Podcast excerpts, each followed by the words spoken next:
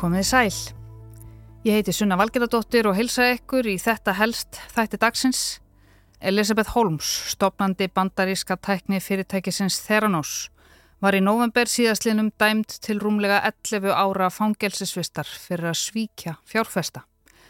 Fangelsisvistinni sjálfri var frestað vegna þess að Holmes bar barn undir belti sem er nú fætt og hún hefur afplánun í þessum mánuði eða byrjun næsta mánadar. Hún verðist einhvern veginn alltaf ná að sníkla sér fram hjá kerfinu.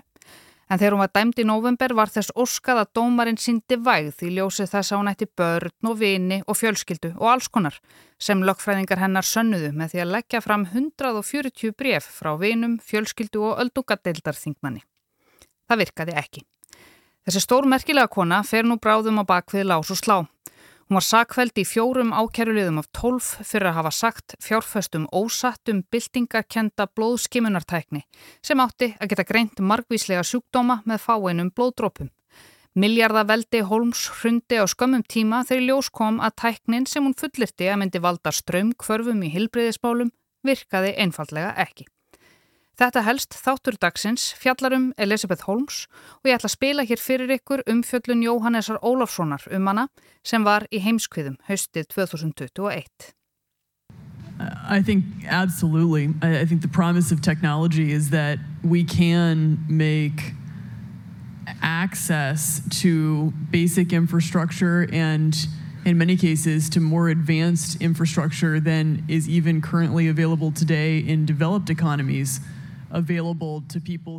Elizabeth Holmes hefur orðið góðsögn í lifanda lífi. Um ára byl var hún umtöluð sem nýjasta resastjarnan í tækniheiminum. Henni var líst sem næsta Steve Jobs og það ekki bara fyrir frama í tæknigeiranum heldur klættist hún líka sama enkjænandi svarta rúlukrægaból. Holmes príti forsýður stærstu viðskiptatímarita heims og lísti sjálfri sér sem fyrstu konunni sem var miljardarmæringur af eigin ramleik. Henni var hampað í hástert af forkólfum viðskiptalífsins þar á meðal af Bill Clinton fyrrum bandaríkja fórsetta á árlegu málþingi Clinton samsteipunar árið 2015. Þar dáðist hann að því hver ung Holmes hefði verið þegar hún stopnaði fyrirtæki sitt, Theranos, aðeins 19 ára gummul. One more fact and then I want to call it Jack. You founded this company 12 years ago, right? Yeah. Tell them how old you were. I was 19. yeah. So, don't worry about the future. We're in good hands. So, Já, Bill Clinton var vissum að framtíðin var í góðum höndum vegna Elizabeth Holmes. Saga Holmes og ævintýralegur árangur fyrirtækis hennar eru hreint útsagt ótrúleg og orðið saga er einmitt likilorð hér í þessari umfjöllun því hugmyndir fyrirtækisins reyndust vera akkurat það, bara sögur. Theranos skilur eftir sig sviðina jörð bæði í heimi læknavísinda og tæknithróunar og stór hópur fjárfesta sittur eftir með sárt ennið. Nú hefst nýrkabli í sögu fyrirtækisins og gerist hann að þessu sinni í réttarsal í Kaliforníu. Holmes er ákerð í tólf liðum fyrir sveik af ímsu tægi og réttarhöldin hafa nú staðið í rúman mánuð. Holmes er söguðum að hafa blekt fjárfesta, fjölmiðla, lækna og sjúklinga upp úr skónum um ára byl. En hvernig? Víða hefur verið fjallað ítalega um Elisabeth Holmes og Theranos meðal annars hér hjá Ríkisútvarpinu. Þá má einnig nefna heimildamindina The Inventor í leikstjórn heimildamindarissans Alex Gibney, hlaðvarpið Dropout og bókina Bad Blood eftir bladamannin John Carreyrou sem fyrstur byrti greinar um mögulegar blekkingar Theranos í Wall Street Journal. Að óglemdri leikinni Hollywoodmynd sem stendur til að gera um Holmes með Jennifer Lawrence í aðaluturki og hafsjó af merkjaföru á netinu, bólum, bollum, derhúum og símahulstrum með myndum af Holmes og orðunum Girl Boss og Fake It Till You Make It. Góðsagan Elizabeth Holmes, hvort sem hún er af hinnu góða eða illa, hefur sem sé tekið sér bólfestu í dægurmenningunni. Og vegna þess hver ítarlega sögunni hefur verið gerð skil, verður aðeins stiklað á stóru hér um sögu Theranos. Elisabeth Holmes stundaði um tíma nám við Stanford Háskóla í Kaliforníu en hætti þegar hún var aðeins 19 ára og stopnaði Theranos. Holmes hafði uppalega áhuga á að þróa hátækni plástra. Með þeim væri hægt að fylgjast með efnasamsetningu blóðsins og stilla livjaskamta sjúklinga í rauntíma. Hún kvarð þó fljótlega frá þeirri hugmynd og fór að vinna að annarskonar sem átti að umbylta helbriðist þjónustu í bandaríkjónum. Það kallaðist Edison tækið og var ekki mikið starra en bröðrist. Með því átt að vera hægt að greina sjúkdóma á notendavænan hátt eins og þegar fólk notar hitamæla eða óletupróf. Til þess þyrti aðeins að fórna pínulittlum blóðdrópa úr fingri og niðurstaðan kemi síðan að vörmu spóri. Smám saman fangaði Holmes aðtikli fjárfesta sem mókuðu í hana fjö.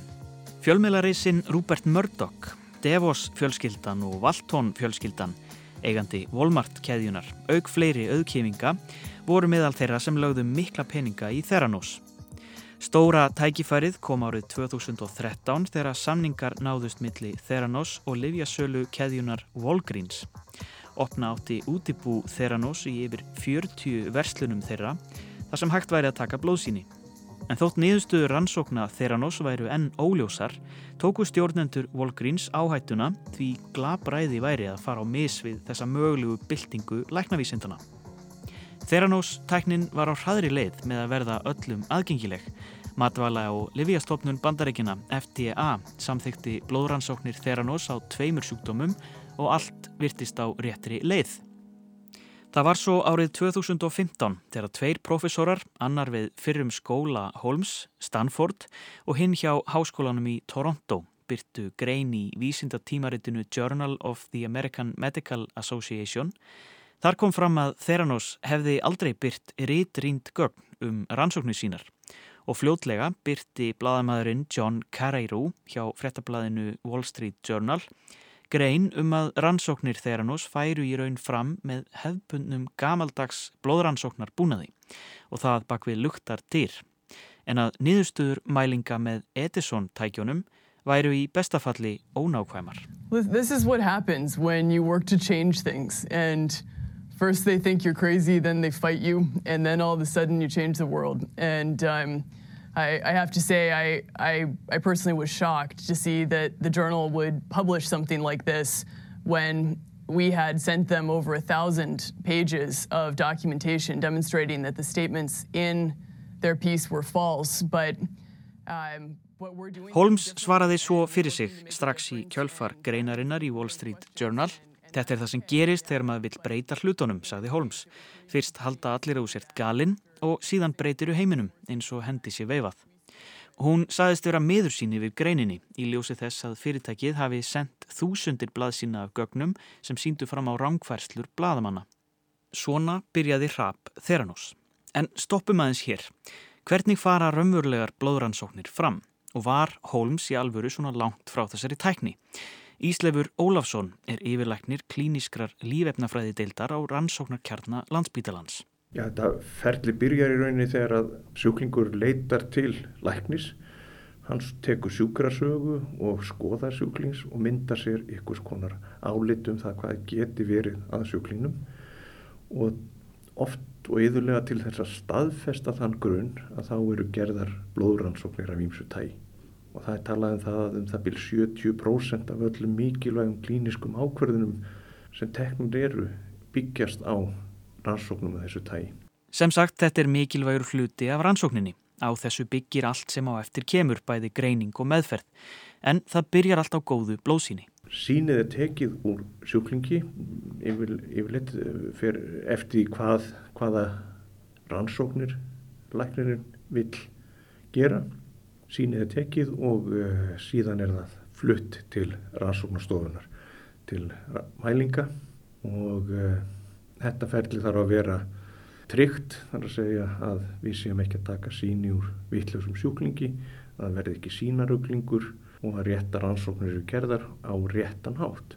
Og þetta er all langt ferli og, og, og má ekki místakast í neinu þrepi Tækin sem notuð eru til þess að greina blóðsíni eru mörg og ólík, allt eftir því hvað á að rannsaka. Suma þessum tækjum eru, eru stór og sjálfvirk, önnur eru minna sjálfvirk og vinnahægar. Þetta er, en, en þetta er, semst, það er mæli aðferð sem þarf til að ná koma að segja, niðurstöðu fyrir viðkomandi efni og það getur verið hans mismunandi. Ef ég myndi stinga mig núna með nál og það kemur hérna lítill blóðdrópi, er eitthvað hægt að lesa úr svona litlu magni? Já, já, það er, til dæmis er hægt að uh, rannsaka að mæla blóðsíkurinn, það er mjög algengt að fólk sé að gera þetta, ég vil heima hjá sér, síkursjúkir fylgjast með blóðsíkrinum hjá sér með litlum tækjum. Mm. Það er hægt að gera fleiri rannsóknir með þessu en það er, getur verið óheppilegt af því að þetta er ekki svona segja, besta síni sem hún færð. Það er oft vefja vögvi sem getur fórið blandast við blóðið. Það getur verið mjög misjáft hvernig gengur að taka þennan litla blóðdrópa sem við erum að taka. Þannig að þetta er ekki, það, ekki besta síni sem við fáum. Besta síni sem við fáum er tekið beint úr bláið. En hversu langt var Theranos raunverulega frá því að finna upp svona tækni? Verður þetta einhver tíman mögulegt? Ég treysti mér nú eiginlega ekki alveg til að meta það hversu langt hún er frá þau en þetta gekk ekki upp og, og það er náttúrulega grav alvarlegt þegar menn eru að bjóða sjúklingum og læknum upp á þjónustu sem þeir get ekki staði við. E eitt það mikilvægast að við starfsefum okkar það er gæða eftirlit þar að segja að fylgjast með það að sínin séu, hvað mór að segja, við séum að gema út sömu niðurstöður að svipa rannsóknir fyrir, fyrir Eh, hérna, all, öll þau efni sem við bjóðum upp á. Og þess vegna höfum við það sem heitir innra og ytra gæða eftirlit með öllu sem við gerum. Þannig að komur að segja söldin séu alltaf eins það við, við séum ekki að mæla mismunandi frá degi til dags. Þetta var nokkuð sem að hún gæti ekki uppfyllt með þeim tækjabúnaði sem var. Og mér skilst að hún hafi notað hvað maður segja tæki sem að gömul tæki, gömul og gammal reynd tæki bak við luktardyr en til þess að geta gert þetta þá þurftum að þinna þessi litlu síni sem við varum að taka og þegar þú ert búin að þinna síni mikið þá eigur um möguleikan á skekkju og margvaldar hann upp með þinningu sína. Í þessari stuttu yfirferð yfir feril Theranós hefur enga líf Elisabeth Holmes ekki komið til frásagnar. Það skiptir þó ekki síður máli fyrir gang málsins í réttarsal Maður er nefndur Ramesh Balvani, kallaður Sunny. Hann starfaði sem rekstrastjóri Theranos næstum því frá stopnun þess, en hann kynntist Holmes þegar hún var enþá í námið við Stanford. Balvani er 19 árum eldri en Holmes og var metnaðarfullur í tækni heiminum á sínum tíma. Starfaði meðal annars hjá Microsoft. Samband Holmes og Balvani var þó ekki aðeins vinnutengt. Þau áttu í leinilegu ástarsambandi á árunum 2014 og 2015. Í réttarhöldunum sem nú standa yfir hafa skilabóðmiðli Balvani og Holmes verið lögð fram sem sönnunargögn. Þar byrtist Holmes sem metnaðarfullur forstjóri og hörð í hornað taka. Hér eru dæmi um skilabóð þeirra á milli. Mitt nýja líf frá og með þessu kvöldi. Fullkomi sjálfströst, besta viðskiptamanniski ársins, einbytting, huga vel að smáadriðum Hunsa það sem öðrum finnst. Nota sögur á fundum með starfsmönnum og láta þetta snúast um þau. Einnig undirbúa sig vel. Kekjað, þú ert að hlusta og fylgjast með. Í öðru dæmi sendir Holmes skilaboð á Balvani eftir símtal við Alice Walton úr Walmart fjölskyldinni um mögulega fjárfestingu. Var að klára símtalinn. Alice Walton leggur fram 50. Sneild, ég var aðeins að hugsa í dag. Þeir eru ekki að fjárfesta í fyrirtækjun okkar, þeir eru fjárfesta í örlögum okkar.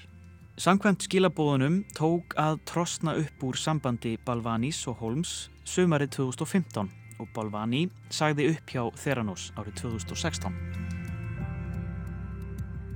Ímynd Elizabeth Holmes fyrir Theranos neykslið var ímynd hins framagjarna frumkvöðuls og snillingsins sem ekkert fær stöðvað við að láta draumsinn rætast og breyta heiminum, jafnvel þótt á móti blási. Við réttarhaldin hafa dagbókafærslur Holmes vakið aðtikli sem stiðja þær hugmyndir um að Steve Jobs hafi ekki bara verið innblásturinn að svarta rullukragabólnum sem Holmes klættist yðurlega heldur einnig hugmyndum hennar um stjórnun og rekstur. Og þessi ímynd laðaði að sér starfsmenn Adam Rosendorf var eitt þeirra. Rosendorf segist í veitnaleðslu hafa verið undir gríðalegri pressu að sína fram á að tæknin virkaði og að það hafi verið eins og tala fyrir daufum eirum, þar á meðal eirum Holmes, að lýsa yfir evasemdum. Í vitnaleðslunni nefndi hann einstök dæmi af sjúklingum sem leituðu til Theranos en fengu skakkar niðurstöður úr blóðsínum. Í þó nokkrum tilfellum hafi það bæði leitt til rángrar sjúkdómsgreiningar og rángrar meðferðar. Lögmenn Holmes bentu þó á að Rosendorf hefði borið fulla ábyrð á tilhörnastofunni og gæðum þess sem frá henni kæmi. Hann hafi sjálfur ráðið starfsfólk sem einnig hefði átt að vera meðvitað um gangmála. Einnig bentu þeir á að Holmes hafi sjálf verið ung og reynslulus og verið ófærum að meta vísindarlegar forsendur rannsóknuna. En Theranos var fyrst og fremst kert áfram af leindarhyggju. Örfáir vissu hvernig í pottin væri búið í sjálfum rekstrinum og starfsmenn sem unnu að einu verkefni höfðu ekki hugmyndum hvað næsti starfsmæður var að gera.